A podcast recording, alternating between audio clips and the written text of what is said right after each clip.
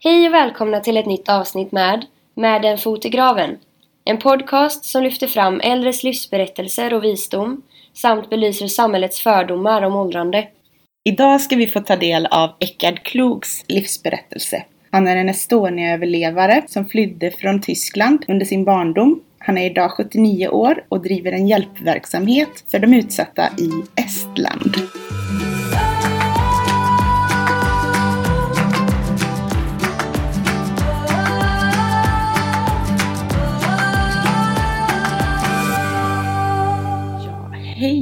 Eckard! Idag är vi här för att höra din livshistoria. Men jag tycker livet är väldigt underbart. Och eh, om man då tänker sig att jag är född i krigets Tyskland. Eh, kriget börjar ju 39, jag föddes 40. Och ifrån 42 till 45 så var jag evakuerad. Och då, om ni tittar på gamla filmer som där de åker på traktorvagnar. Och det, det har jag gjort också. Varför var du evakuerad? Ifrån Hamburg. För de, de, de bombar ju så väldigt. vet du, Så var jag med min mormor bland annat och ett par mostrar och och någon kusin där. Och så flyttade vi runt i Tyskland. Allt eftersom bomberna kom närmare. Och när kriget slutade 45 då var vi i Franken. Det var amerikanska sektorn då. Och första gången jag kom till Sverige det var 1948 genom Rädda Barnen. Ja, och hamnade i Himle utanför Varberg. Nämen, där är jag ifrån. Varberg. Ja, Pappa jobbar på Monark. Ja, det gjorde min eh, gammelfarfar. Ja, ja. ja. Nej, jag bodde i, i Spannar. Då Ja. borde ju du ha hört Lejesboa. Lejesboa. Ja. Det borde du kunna som gillar havet. Ja, jamen. Mm. Ja. Nej, jag, Vad är det för något? För någon som inte... Träslets läge. Våran eh, dialekt eller vad Ja. man ska säga. Det är där jag är ifrån. Ja, är- är du från läget? Ja. Jaså? De pagarna där, de, de var räliga. För, vi, vi cyklar ju dit ifrån Himle. Ja, precis. försvinner ni från läget pagar vi kugar våra däger själ. Ja, först var, jag- eh, hamnade vi på Citadellet i Landskrona 14 dagar i karantän för avlusning och sånt där. Ja, och sen blev man utskickad då. Så hon, bondmoran, hon kom med sin svarta kräsen till Himles station och hämtade mig. Så jag fick åka på pakethållande. Det var fantastiskt. Ja. Så var jag där i två månader. Och så tillbaka till Tyskland. Och så, ja. Och så gick jag på svenska kurs i Svenska kyrkan. Men permanent flyttade jag 1951 och började jobba 1954. Hade jag mitt första jobb. I Sverige? Ja, Ja. på Kockums i Malmö. Cyklade med post. I, i det, Kockums de byggde ett varv och de byggde ubåtar bland annat. Och jag cyklade runt med kontorspost där. Och så slutade jag där för jag ville bli järnhandelsbiträde. På den tiden fanns det springpojkar och sånt där. Ja. Ja, och jag hade skaffat ett jobb då i en järnhandel som springchas. Och sista kvällen där på Kockums så var det en av kollegorna där. Han sa det, ja men det måste vi fira Eckard. Kom hem till mig och så spelar vi lite kort och dricker te. Och, ja, och det gjorde vi. Men det var bara det att klockan gick och klockan gick och sista tåget hade gått. För jag bodde ju inte där. Jag bodde ju inte i Malmö. Jag bodde i Furulund. Ja, och eftersom jag inte var 15 år så fick man inte hyra hotellrum. Och så fick inte bo kvar hos honom för han var ju, bodde i inackordering också. Då sa hans hyrestant det att nej minsann jag har hyrt bort till en människa och inte till flera. Så det är så. Så vi gick ner och pratade med en poliskonstapel som fanns då. Då på den tiden så patrullerade de till fots. Och han ringde till polisstationen och, och det bestämdes att de skulle komma och hämta mig och så skulle jag få övernatta i häktet. Vad lyxigt. Ja, och på morgonen så kom vakthavande där och hans fru hade skickat med smörgåsar till mig och det är jättesnälla. Men de låste inte om dig? Nej, de stängde dörren bara. Men, de låste inte. Nej, jag, jag var ju inte intagen. Nej. Nej, så det gick jättebra. Min mor hon hade flyttat samman med en fotograf och de bodde i Lomma. Och det var första anhalten när där tåget stannade. Så jag tänkte då hälsar jag på min mor samtidigt. Ja, knacka på där. Och, och vad gör du här? Och, Ja, det var bra förresten. Just det, skor behöver borstas. Jaha, inte det? Är du hungrig eller någonting sånt här? Nej, nej, nej. nej. Ja, och varför jag kom dit och så berättade jag detta här. Och, och så fick jag någon gång örfila och så sa hon Försvinn härifrån. Du, du, du, tänk på Justus, han är fotograf här och du, tänk på hans rykte. Du får inte vara kvar här. Nej. Nej, nej, nej. Vad ska jag göra då? Ja, ring upp till, till Halland där du var där och fråga om du får bo där. För här får du inte vara kvar. Ja, så jag ringde upp till Halland till gården. Jo, jag fick ju gärna komma men någon lön kunde, man ju inte få där. Men Nej. mat och husrum kunde man få. Så då blev det så. Men sen tröttnade jag på det också. Så jag hade faktiskt ett eget boende när jag var 15 år i Varberg. Och då jobbade jag i, i möbelaffären Hallings möbler som springpojk där.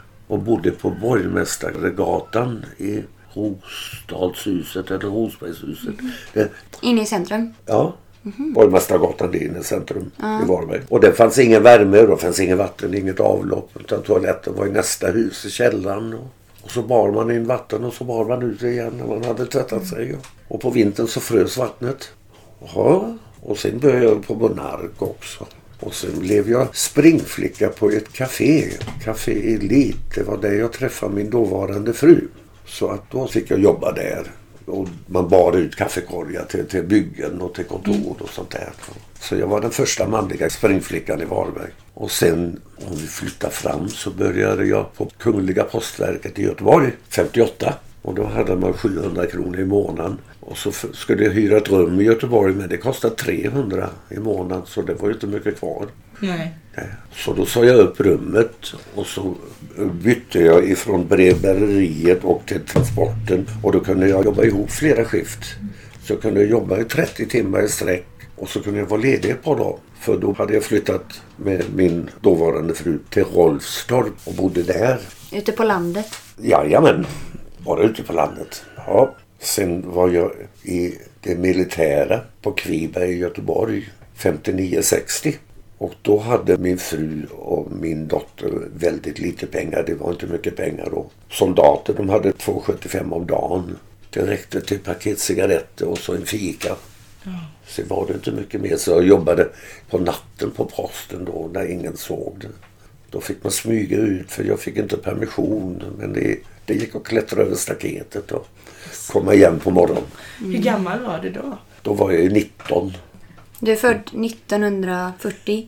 40 är jag född ja. Men eh, om man backar tillbaka bandet. Kom, ni, kom hela du och din familj tillsammans till Sverige? Nej, mina bröder de, de var redan här. Jag har två bröder. Och eh, den ena han var hos en familj i Nybro. En möbelhandlarfamilj.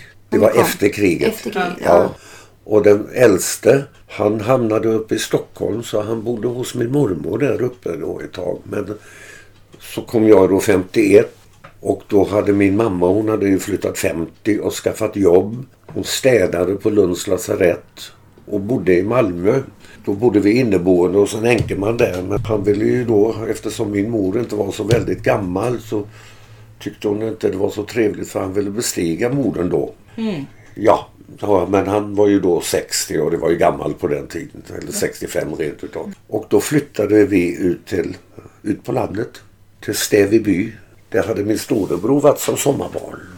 Och det, det var ett rum och kök där och så inget vatten, inget avlopp. Men hon, tanten som ägde huset, hon var fiffig. Hon borrade ett hål i väggen och satte in i diskbänk och så en slang ut. Och så vi slapp ju bära ut vattnet. Det kom på utsidan och så var det då utedass. Och möblerna det, det hade vi inga men på den tiden fanns det sockerlådor utav trä. Så det tiggde vi oss på lanthandeln då. Så det fick vi då. Våra byrån, ett skynke framför där. Och staplade dem på varandra. Och, och några som vi satt på. Men då var- du bara några år då under den perioden? Eller när var det? Det var ju då, eh, om du tänker dig, mellan eh, 51 när jag kom då och tills jag flyttade då 54. Ah, okej. Ja. Så jag har ju inte, egentligen inte varit hemma hos min mamma så mycket. Eftersom jag var evakuerad ifrån 42 till 45. Då 48 så kom jag till Sverige som sommarbarn och också en gång 50. det strulade 49 med biljetten så då fick jag inte åka. Det här för, för oss som inte vet och som är en yngre generation. Sommarbarn, vad var det? Jo, det var då mindre bemedlade barn och vi var ett helt tågsätt, eller en hel tågvagn full med unga. De flesta från Berlin. Och så var vi tio från Hamburg då. Och det var då genom Rädda Barnens försorg och Rädda Barnen ordnade med då platser där de kunde få vara och vistas. Då två månader på sommaren. Och det, jag sa ju vi hamnade först på Citadellet i Landskrona för avlusning och sånt Ja, där. Då, det. det var ju också att vi skulle lära oss att äta. För de kunde ju inte sätta fram hur mycket som helst. För, för vi var ju som Biafra-ungar. Det var bara en stor mage. Det var ju, hade ju ingen mat. Utan vi kokade kvickrot och åt. Och rötterna på maskrosor gick att äta och mala. Och koka gröt av bladen gick ju jättebra till sallad. Ja. nässlor och, och det var ju lycka då. När, när bönderna hade tagit in sin säd då gick vi och plockade ax där och så körde morsan dem i kaffekvarnen de där eh, fröna och, som kunde baka lite bröd kanske. Så att det var ju det. Ingen mat, inga kläder. Så det fick jag ju också när jag kom då som sommarbarn. Att de, för jag kom ju i kortbyxor och i skjorta. Så det var ingen stor väska man hade med sig. Men det, det fixade ju de då redan i Landskrona att man fick en omgång kläder på sig. Och, och sen var de ju snälla där, där man hamnade. Ja, det var, det var en bra upplevelse liksom, eller var Ja, ja, ja. och de hade, de hade en grabb som var ett år äldre än jag så jag fick ju ta över hans kläder också. Minns du känslan av att bli evakuerad? Var det väldigt läskigt liksom? Kändes det väldigt... Nej, för, inte för Främmande. mig. Det var ju... Man var ju barn så man, man förstod ju inte allvaret med det egentligen. Utan det var ju mera spännande.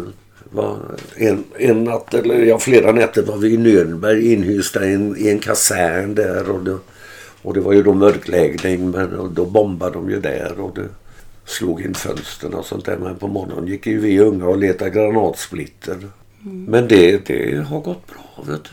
Ja, sen var jag på posten där så ville jag ha förflyttning till Varberg. Eftersom jag bodde i Rolfstorp och hade familj där. Och, det gick inte. Eh, Varberg har mycket folk men Göteborg har inget folk. Jag sa då skiter jag i det, då slutar jag. Så eh, då slutade jag och var arbetslös lite tag. Så då skickade Arbetsförmedlingen ut mig ihop med en massa andra fyllerister till skogarna i Dagsås och röja skog. Och då var du i 20-årsåldern där någon gång Ja. eller? Ja. Fyllerister, vad, vad tänker du? Jo, det var, ju- det var ju sådana som blev utskickade på, på sådana arbeten. Då, det, beredskapsarbete kan man Ja. säga. Då. Röj, röja i skogarna Ja. och röja på gärdsgårdar. Och, och sånt där. Eftersom jag hade bil så fick jag med mig några stycken. Fick jag ju betala lite för resan också. Ja.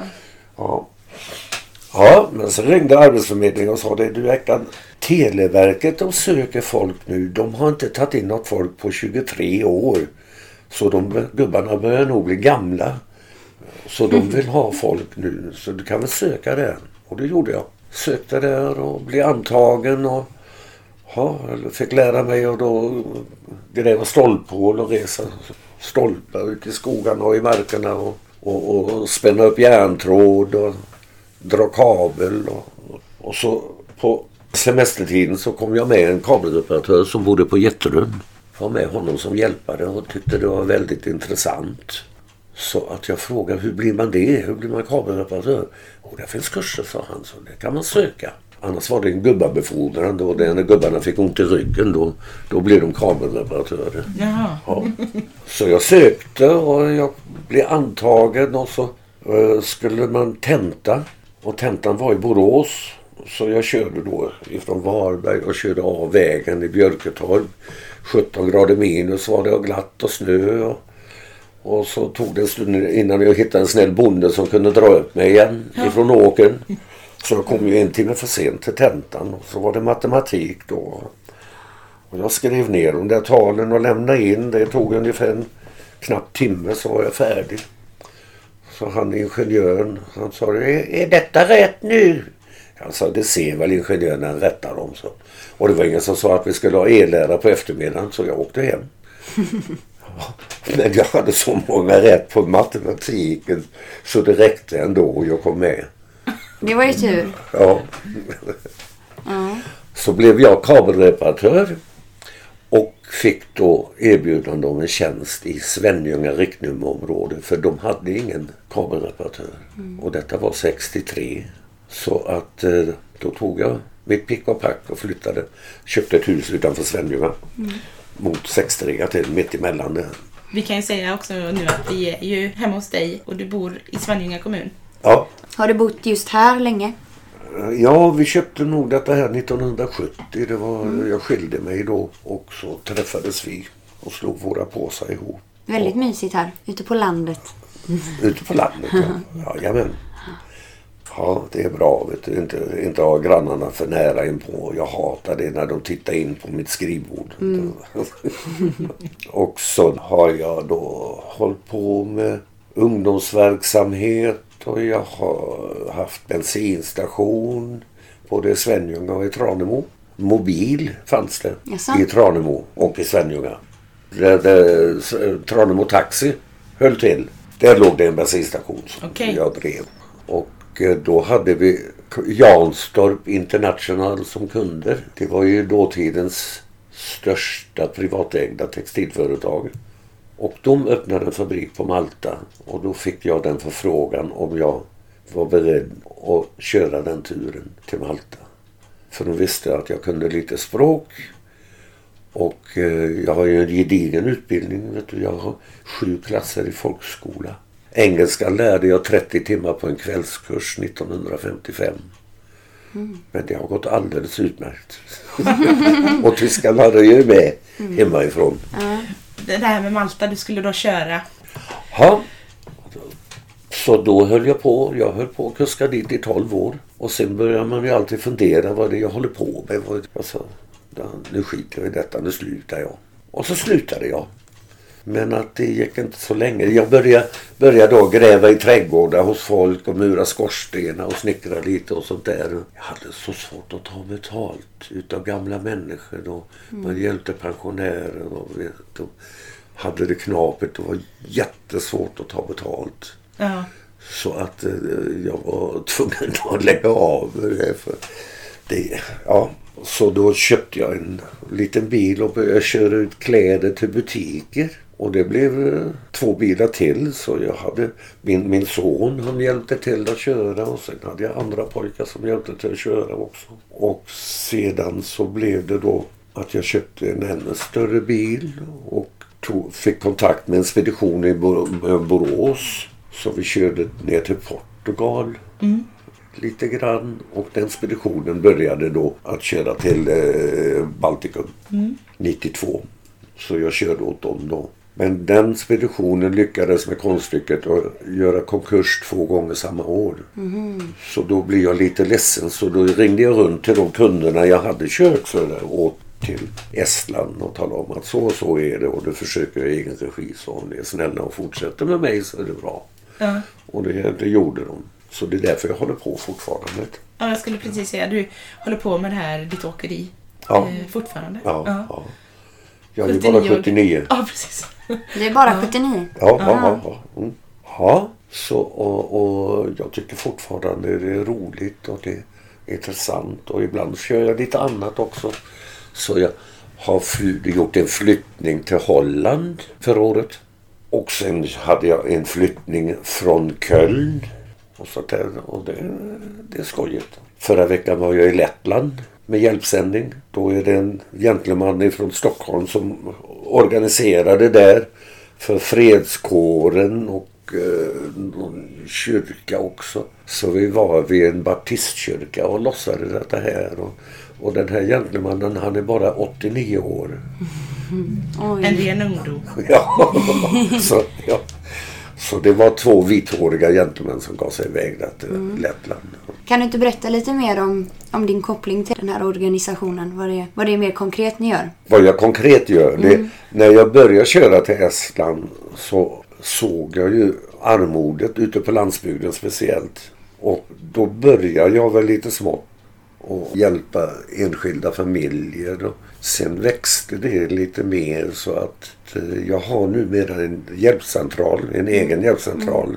Och det är så att människorna där de har inte råd att ha någon försäkring. Hemförsäkring som vi har. Så händer det någonting i hemmet så har de ingenting kvar.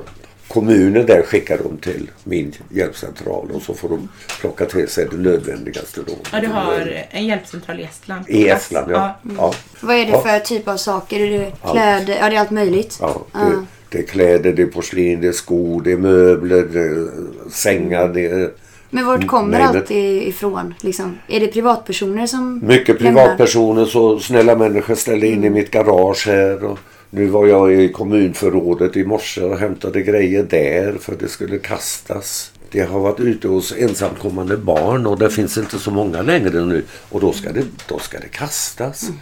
Istället för att spara det och då använda det Så onödigt att kasta. Ja. Nej, då, då kan inte kommunen släppa till en lagerlokal där de kan lagra detta här. Det är ju också vansinne i kommunerna med internhyror. Så den ena avdelningen ska betala hyra till den andra. Men herregud, det är samma pott alltihopa. Så jag var där och hämtade grejer. Fåtöljer och jag hämtade skåp. Och... Hur många år är det du har hållit på med just denna organisationen? Med den här hjälp... Med min? Ja, just din egen. Är det många år? Ja, jag, började väl, man kan säga 95. Började men jag har flyttat den en gång till ett annat ställe. Men det håller på och det är ju då damer som sköter om detta här. Och de vet vilka, vilka som inte kan betala. Men de som kan betala de får betala en liten slant. För annars så plockar de till sig hur mycket som helst. Och då går de ut och säljer det på marknaden. Fel ändamål. Ja, det är lite fel. Utan de som har pengar de får betala en slant och de pengarna de har vi då till akuta insatser. Och sen då pengarna som, som eh, de är snälla då ifrån Gällsta. Ifrån barnfilmmarknaden där. Dels har jag bjudit pensionärer på julmiddag i flera år och nu barnhem som får komma och få julmat. Ja, vi kan ju säga att det finns en barnfilmmarknad eller en loppis i Gällsta som Ja. är, hålls två gånger per år som skänker en del av sin vinst eh, till, eh, ja, till dig Eckard Ja, och din eh, organisation. Ja. Och det, det är så pengarna kommer fram då. Ja. Så använder jag dem efter bästa förmåga. Och det, det har ju hänt. Det var en villa som brann ner och mamman hon rusade in i elden igen och blev kvar där. Oj, Två pojkar då, de fick flytta till mormor. fy. Mormor hade inte någon tvättmaskin och det blev mycket tvätt och så då köpte vi en tvättmaskin till henne. Sen gick pappan och hängde sig också. Det är inte bra. Nej, fy. Så jag kallas faktiskt för Santa Claus från Sweden. Den svenska jultomten. Det är väl fint? Du har ju vitt skägg också. Kan ju vara Ja, ja. därför. och på, till jul så växer det. Ja. Ja, okej. Och det, det är en eh, estnisk dokumentärfilmare som har gjort en film med mig som han kallar för Santa Claus of Sweden. Så han var med med en hel resa också och filmade. Och, Häftigt. ja. Så den visades i estnisk tv fyra, fem jular efter varandra.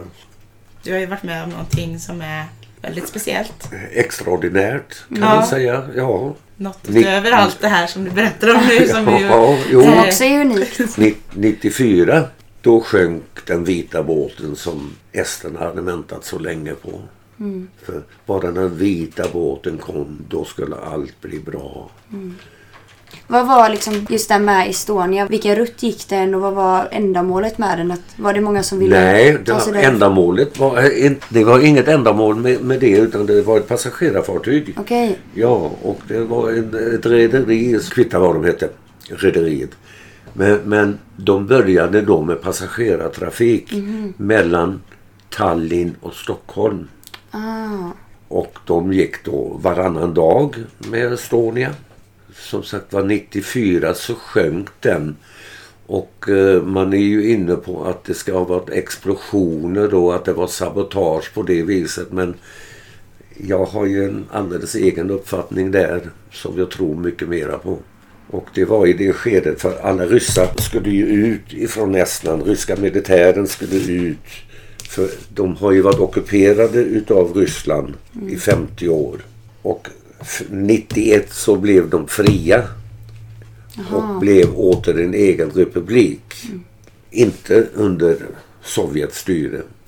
Men då hela tiden då, alla den ryska militären, de sålde ju så mycket militärgrejer de kunde. Och också det skickades då till Sverige och gamla tullare de kan vittna om det att de fick order från högsta ort att det kommer en bil nummer så och så och ni ska göra en visitation men ni ska inte åtgärda någonting utan ni ska låta dem åka. Och den natten den 28 september 94 det var väldigt stormigt på kvällen och av någon anledning så blev båten en timme sen i avgång. Åkte du ensam eller åkte du med någon? Vi var många som åkte. Vi var över tusen personer som Ah, åkte. men åkte du i sällskap med någon? Eller var nej, det- nej, nej, Jag körde ju med lastbil. Ja, ja, okej. Ja, ja, ja. Så eh, jag brukade alltid gå upp i puben och sjunga ihop med Pierre Isaksson. då på karaoke och sånt där. Ja, men den natten. där- Jag är så väldigt dålig sjöman. Så blåser det för mycket och gungar för mycket då måste jag lägga mig ner. Så jag gick ner till hytten då, klädde av mig och det höll på att banka och slå där. Så jag trodde att det var livbåt som hade slitit sig så jag tänkte jag måste gå upp informationen och säga till dem för att ta vara på det där. Och då blev det en jättebang. Och då fick hon slagsida. Så då var jag ute i korridoren och höll mig mot skottet där och tänkte hon kommer väl tillbaka igen. Var det att den liksom åkte åt Ni- si- 90 grader. Hon la sig på sidan först lite grann och så tänkte jag hon gungar väl tillbaka. Men det gjorde hon inte utan det blev ett snäpp till. Oj då. Så det, då drog jag mig ut i korridoren och mot trappan. Var, hade mycket kläder på mig. Jag hade kalsonger på mig. Ja, och drog mig upp för trappan. För jag bodde på däck 4 och skulle upp på däck 7 för att kunna komma ut. Och det var inga varningssignaler, ing, ingenting sånt. Ingen information. Och så kom jag ut då på båtdäck där, uppe i trappan. Där var det då en, en kille, han hade bundit fast sig själv med livremmen i räcket. Och, och så, så var de två stycken och bara skicka ut folk. Så de inte stannade kvar i dörren. Och där ute var det då en, en i besättningen som delade ut flytvästar så då fick jag på mig en sån. Det var filosofera och bli genomblåst. Och hon lutade mer och mer. Och så, eh, till sist så låg hon i 45 grader. Och då var vi då eh, en, en äldre gentleman han försökte få loss en livbåt men jag sa det, det är inte lönt. Vi får ju aldrig in den i sjön. Och nu tänker jag båten så här och så ska livbåten gå ner där. Det. Men man kastade ju ut allt vad flotta hette. De räddningsflottar. Och då kröp vi över relingen då och så satt på utsidan på fartyget. På skrovet. På skrovet då. Ja. Här, är, här är båten. Ja. Så var hon först. Rakt Ja. upp. Och, och sen la hon sig mer och mer. Och då, då klättrade vi ut här. Så här är vattenlinjen. Och så satt vi här och filosoferade. Så fick jag så, så det blänkte till då. De flottarna som var, de kastade ut, de hade ju tält på sig. Med en lanterna i toppen. Men vinden var så kraftig så att det blåste iväg dem så de var jättesvåra att få tag på. Men det var en, den hade med tältet ner så den var väldigt trög. Och jag såg då det blänkte botten på den. Så sa jag till de andra tre som var ihop med mig där. Att hoppa i det och ta tag i den. Och jag kommer efter. Och det ska tänka dig. Du är i badhuset då och så går du upp på tians trampolin. Och så är det alldeles mörkt och så ska du hoppa ner. Du vet inte vad du hoppar i. Oj. Om det ligger någon där eller i vattnet och sprattlar eller vad det är. Men det var det inte. Jag hoppade ner. Och det är fasen vad det är långt ner innan man kommer upp igen. Vad tänkte du då? Jag tänkte jaha, är det så här det slutar? Men jag har ju haft roligt i livet. Men sen fick jag tag på flotten och hängde i krok i arm där en stund. Och, Var det Ja. kallt i vattnet? ja, 10 grader Oj. var det i vattnet. Ja, och så eh, sjönk hon då. Det gick ju jättefort allting. Ja, hur, hur lång tid? Alltså från att du började Från första känna... slagsidan och tills hon var borta. Det tog mindre än en timma. Oj. Blev det ett väldigt sug ner? Nej, det blev det faktiskt inte. Jag var rädd för det. Så jag, när hon gick ner då. Jag var ju ända till då och höll på att sparka ifrån där. Hade kroka arm i flotten. Och så, för jag tänkte är det något som krokar i då och drar med oss ner. Ja, då åker alla ner. Ja, men det, det, det gick bra. Och sen blev det då alldeles väldigt tyst när hon hade gått ner. Så alldeles strax innan, jag menar det, in- innan hon la sig riktigt på sidan så var det ju fortfarande lite ljus. För, för den reservaggregatet är uppe i toppen på båten. Men sen när den lägger sig ner då får ju inte motorn någon olja längre och då skär den ihop. Och, Så då blir det mörkt. Var det här på natten? Mitt i natten. Midnatt. Midnatt. Ja, midnatt. Kolsvart. Ja, väldigt kolsvart. Så efter en stund så, så är, det, är det kanske någon som kan hjälpa mig upp på flotten. Och då sa den andra gamle gentlemannen, vad fan hänger du där? Ja, ja. Så han gav mig en hjälpande hand och drog upp mig där. Var det, var det många runt omkring dig då?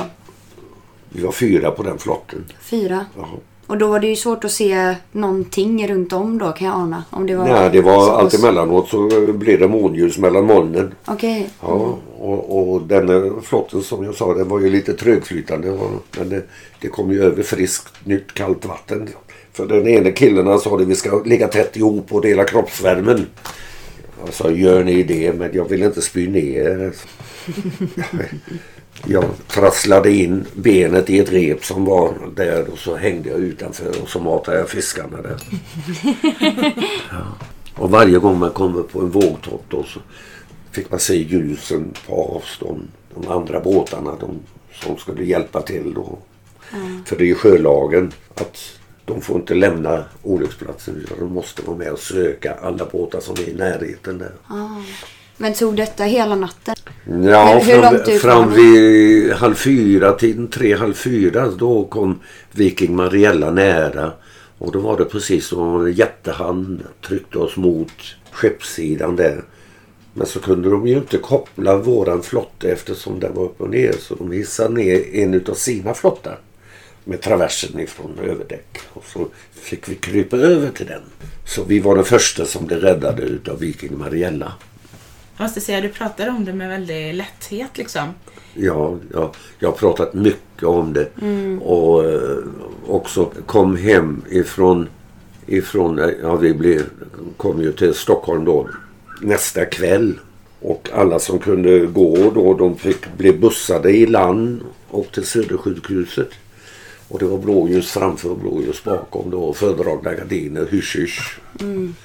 Och bakvägen in till Södersjukhuset. Hade detta hunnit nå... Hade alla fått veta detta vid det här laget då när ni väl kom i land? Vad som hade hänt med Estonia? Jo, det, det gick ju ut i etern att Estonia hade gått under. precis. och vi var ju inte så många som överlevde. Hur många var ni? 136 och det var ungefär 1000 som gick åt. Ja, men eh, där hade då Borås Tidning gjort en liten kupp med min kära hustru här. Så de tog kontakt med Ann-Kristin och sa det att vi bjuder på flyget upp och vi bjuder på hotell och flyget hem bara vi får stadin. Så Josefsson här bortifrån Örsås, Magnus, har varit reporter på Borås Tidning. Han var med och så en fotograf. Och eh, Ann-Kristin hon hade med sig kläder, någon gång kläder till mig. Ja, ja. Och eh, jag fick slå mig ut ifrån Södersjukhuset för de ville inte släppa mig där. De sa det, ja men vi ska bara ta de där proverna. Jag sa, men jag hör, vi behöver inte vara här. Det är inget fel med mig. Herregud, jag hade inte ens stukat tummen. Ja, du var helt... Du var, hade inga som helst men. Nej, nej, nej, nej. nej. Ja, Köldskador. Nej, inga köldskador heller. Jag blev inte ens förkyld sen. Det, det, man, Vilket immunförsvar. jag var ju Jag var ganska nedkyld när jag kom upp på Mariella. För det blev ju undersökning där och så tog de rumpfebern då. Ja, slet av mig kläderna, kalsongerna. Och eh, det var en sån där gammal termometer. Började gradering vid 32. Och kvicksilvret det var inte uppe där vid 32. Och man lär vara medvetslös vid 29 så de tror att 30 grader hade jag nog i kroppstemperatur. Oj. Ja, men det, det steg snabbt sen. Jag fick en hytt och de kom med te och smörgåsar och jag duschade lite varmt. Och, och så kom de då med en joggingdress som någon i besättningen hade släppt till där. Och så på morgonen så gick jag runt på båten då och så gick jag till chaufförsmässen. Och jag kände ju många chaufförer. Och så eh, var satan kommer du ifrån? Inte såg vi din bil på kajen? Nej, så jag kom på i natt. Och så fick jag ju berätta då. Och såg du honom och såg du honom. Och så, ja. Men det var ju negativt. Det var inga Boråschaufförer som överlevde detta här. Och sen när vi kom hem då var det ett fax i min faxmaskin ifrån tyska Stern TVO. Ett stort tv-bolag i Tyskland. De undrade om jag kunde tänka mig att komma ner och vara med i en talkshow. Och så ringde de på fredagen. Ja, herr Krog, har ni fått vårat fax? Ja, har jag fått. Har ni läst det? Ja, har jag gjort. Och hur ställer ni er till detta? Nej, så det tror jag inte blir aktuellt. Det hade ju varit så intressant. Ja, så det vet jag. Det tror jag säkert. Men Varför ville du inte medverka? lugn, lugna dig. lugna dig, ja. Nej, men det var faktiskt att det, det var inte så där väldigt aktuellt. Det var ändå en liten dramatisk upplevelse. Ja. Ja, för detta var direkt efter. Precis. Du, ja, vi kom, ja, jag säger, vi kom hem på torsdagen. Olyckan var mellan tisdagen och onsdagen. Och detta var på torsdagen. Och på fredagen ringer de. Oj, Ja. lite väl hastigt. Ja, och så sa de det. Ja, vi har ju tänkt oss ett litet honorar också. Jaha, så. Vad är det för något? Ett honorar, ersättning. Jaha. Ekonomisk ersättning. Ja, ja. Jaha. ja. Ett honorar.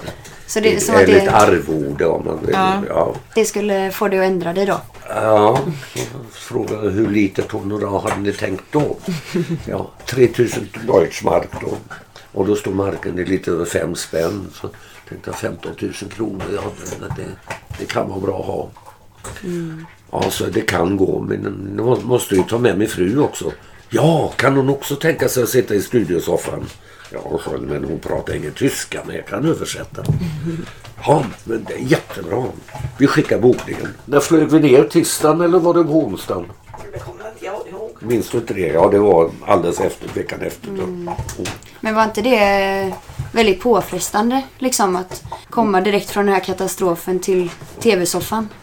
Jag hade inte så ont utav det. Redan på båten så, så tyckte de att Eckad, du kan väl åka fler gånger med oss men då, då kan du väl åka hela vägen. ja, så att, nej, så att eh, i och med jag hade kommit upp igen. Och, då- vadå, det kan inte hända mig igen. Och det, det sista han, studiemannen där i, i Frankfurt sa det. att, Ja, herr Klog sa han. Det kommer väl att dröja länge innan ni eh, sätter er på en sån båt igen. Ja, så inte nästa vecka men veckan därpå. Då ska jag åka igen. Oh, hela studion. Och det gjorde jag. Det gjorde det alltså? Ja. Tror du att det hjälpte att sätta dig på en båt så snabbt igen?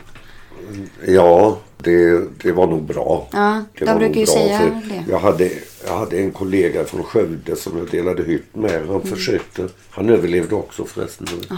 Och han försökte att köra igen men han klarade inte. Och i, samma en kille från Holland, en ung pojk, han försökte också igen men han klarade det inte. Nej. Jag har aldrig haft ont utav det. Ja, så att det, det håller jag på med nu också. Jag svår, jag har svårt att sitta still. Och det är då om jag är hemma för länge då säger Ann-Kristin också har du inget du kan köra? ja, ja, har alltid varit sån. För jag, jag, menar, jag, jag började ju köra ute ja, 69 egentligen. Och när Ann-Kristin fyllde 30 år då satt jag fast i en lavin i Alperna. Mellan. Österrike och Tyskland. Så då var jag tvungen att ringa till företaget och Jan, Janstad som jag jobbade för. Att se till att hon får en kvast blommor i alla fall. det kom det va? Ja, ja men. Den kom fram. Ja, Men jag måste fråga, känner du dig som 79 år? egent, egentligen inte. Nej. Nej. Vad, vad känner du dig som? Jag, jag tycker jag känner mig inte annorlunda nu än när jag var 50 eller 60. Nej. Inte det, men i kroppen. Kroppen, det är klart Inte att den, kroppen är ju sliten. Så det är givet att jag springer ju inte lika fort längre. Så jag säger det, om man ska böja sig ner och knyta skorna så funderar man på det något mer jag kan göra när jag ändå är här nere. Man får passa på. Ja, så på den vägen är det ungefär. Ja. Annars tycker jag det är mycket trevligt. Så det, det är väl inte så att jag känner att jag vill lägga av och börja spela bol eller någonting sånt där. Nej. Var med i pensionärsföreningen. Nej, det får vänta. Men jag måste få fråga, för det, det har ju talats en del om Estonia och det här med varför den gick under. Ja, Vad är din teori? Det finns ju, det är ju jo, lite fuffens. det, det, det är ju då att jag, jag sa förut att ryska militären de sålde allt som man kunde sälja och lite till.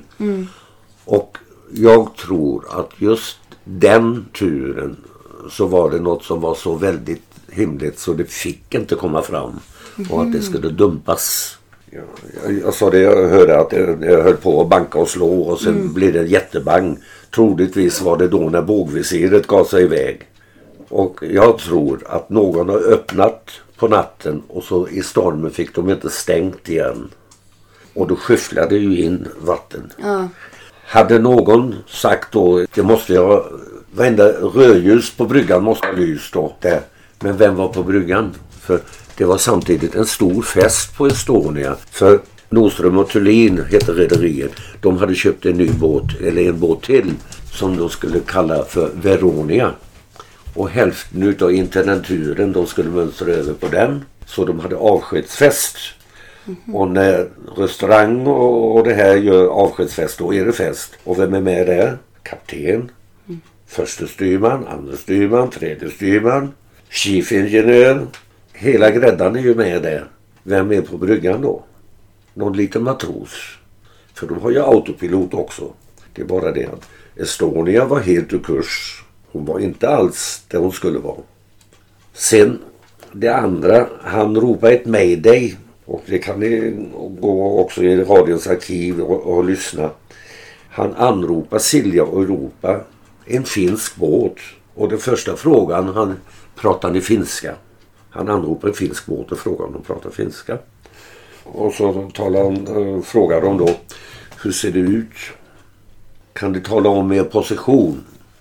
Och det kunde han inte.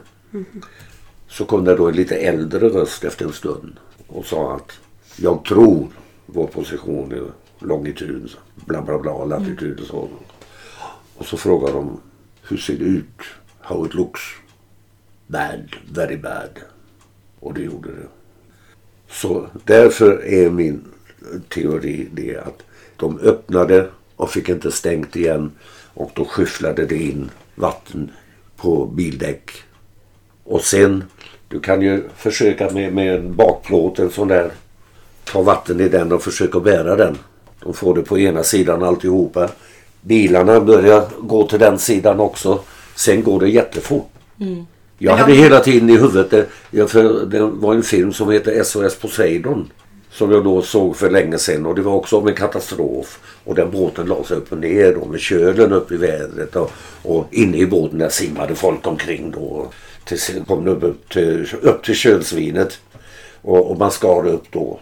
Helikoptern landade och skar upp ett hål och drog ut dem och räddade dem. Tänkte, tänk om den gör likadant. Om den lägger sig med köl, kölen upp.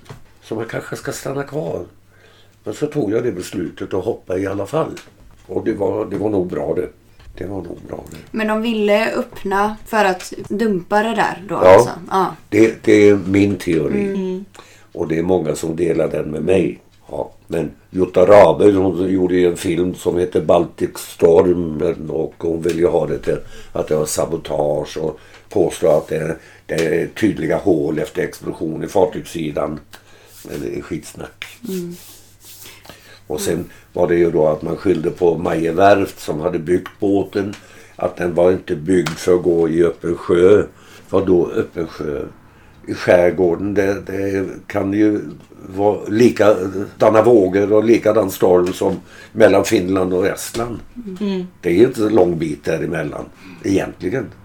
Det, nu, båtarna de har nu den går på två timmar ifrån Tallinn till Helsingfors. Det, det tar lika lång tid som att åka till Åland. Och sen var det väl det här efteråt också, hur man valde att Det hantera. är en, enda vraket i historien man vill täcka över med sand och betong. Och först säger Ingvar Carlsson, våran premiärminister, att inga resurser ska sparas, hon ska upp till ytan omedelbart. Och sen efter fyra dagar, nej hon ska behöljas med sand och betong, det ska vara en gravplats. Trots att många ville ha upp Ja. sina anhöriga. Jo. Ja. Och Norrmännen var beredda att hjälpa till att ta upp henne och de kan det där. Holländarna var beredda att hjälpa till. De kan också det där med att bärga. Nej tack. Och jag, ryssarnas ubåt, den här Korsk som låg mycket längre ner. Estonia ligger på 70 meter. Korsk låg på över 100 meter och var mycket större. Den fick de upp på nolltid. Men inte Estonia. Och alla tre regeringarna, både svenska, estniska och finska regeringen, alla är involverade i den här mörkningen. I den här skiten. Kanske om 50 år att vi får reda på sanningen men då lär inte jag få reda på den. Tror du att sanningen kommer komma fram? Någon gång måste den väl komma fram ändå. Också, jag pratade förut om uh, Mark Sosa som gjorde den här filmen med mig. Han ville gjort en dokumentär om den här katastrofen. Han som gjorde Ja. Swedish. Santa Claus. Ja. Och han sa det att han blev uppringd utav presidenten, Estlands president, Meri. Och samtalet gick som så att god dag Mark Sosa, detta är Meri, presidenten. Och du vill göra en dokumentär om katastrofen. Gör inte detta Mark Sosa. Adjö Mark Sosa. Oj. Så då gjorde han på ett annat tema. Han gjorde en film om människor som försvinner och sen kommer tillbaka efter kanske 20-30 år så dyker de upp igen. För det är också, det var ju två kaptener med på båten. Och många vittnar om att de har sett den här andra kaptenen att han har suttit i en ambulans i Stockholm. Och sen helt plötsligt är han bara borta. Kanske han är i Amerika. För den här filmen som han gjorde, Marken, då, det var om en estnisk man som försvann i början på kriget. Och det visade sen efter 40 år att han bodde på Irland och levde i högsta välmåga. Min far, han var med i kriget. Han var ju i tyska armén. Och han är saknad sedan 1944. Nu har han väl dött utav ålderssvaghet i vilket fall som helst. Men vi visste ju aldrig. Var han död? Eller var han fången? Eller vad det var. Fick man aldrig reda på. Nej. Så det, det var därför han tog med både mig och min bror i, i den filmen också. Mark. Inget om Estonia i den In, filmen. in, inte i den filmen, nej. Nej. nej. Ha, flickor. Vad säger ni? Jätteintressant.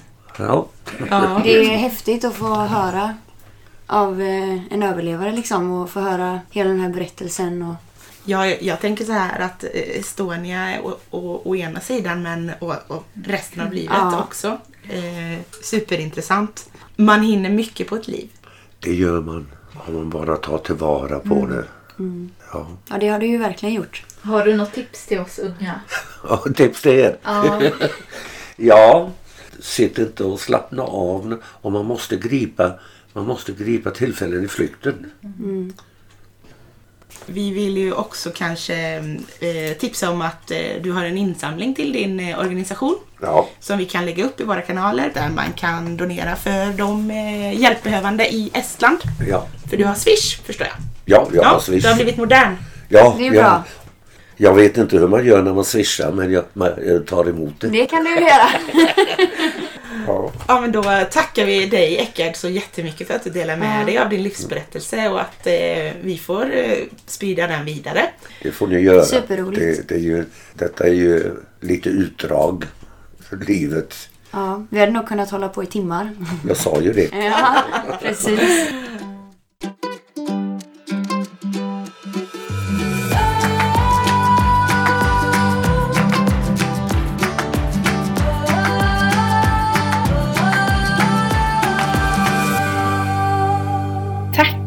För att just du har lyssnat och tagit del av Eckards livsberättelse.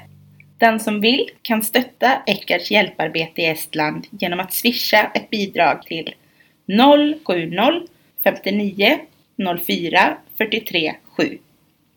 Märk din swishbetalning med Estland. Tack än en gång. Ta hand om er så ses vi nästa gång. Hej då!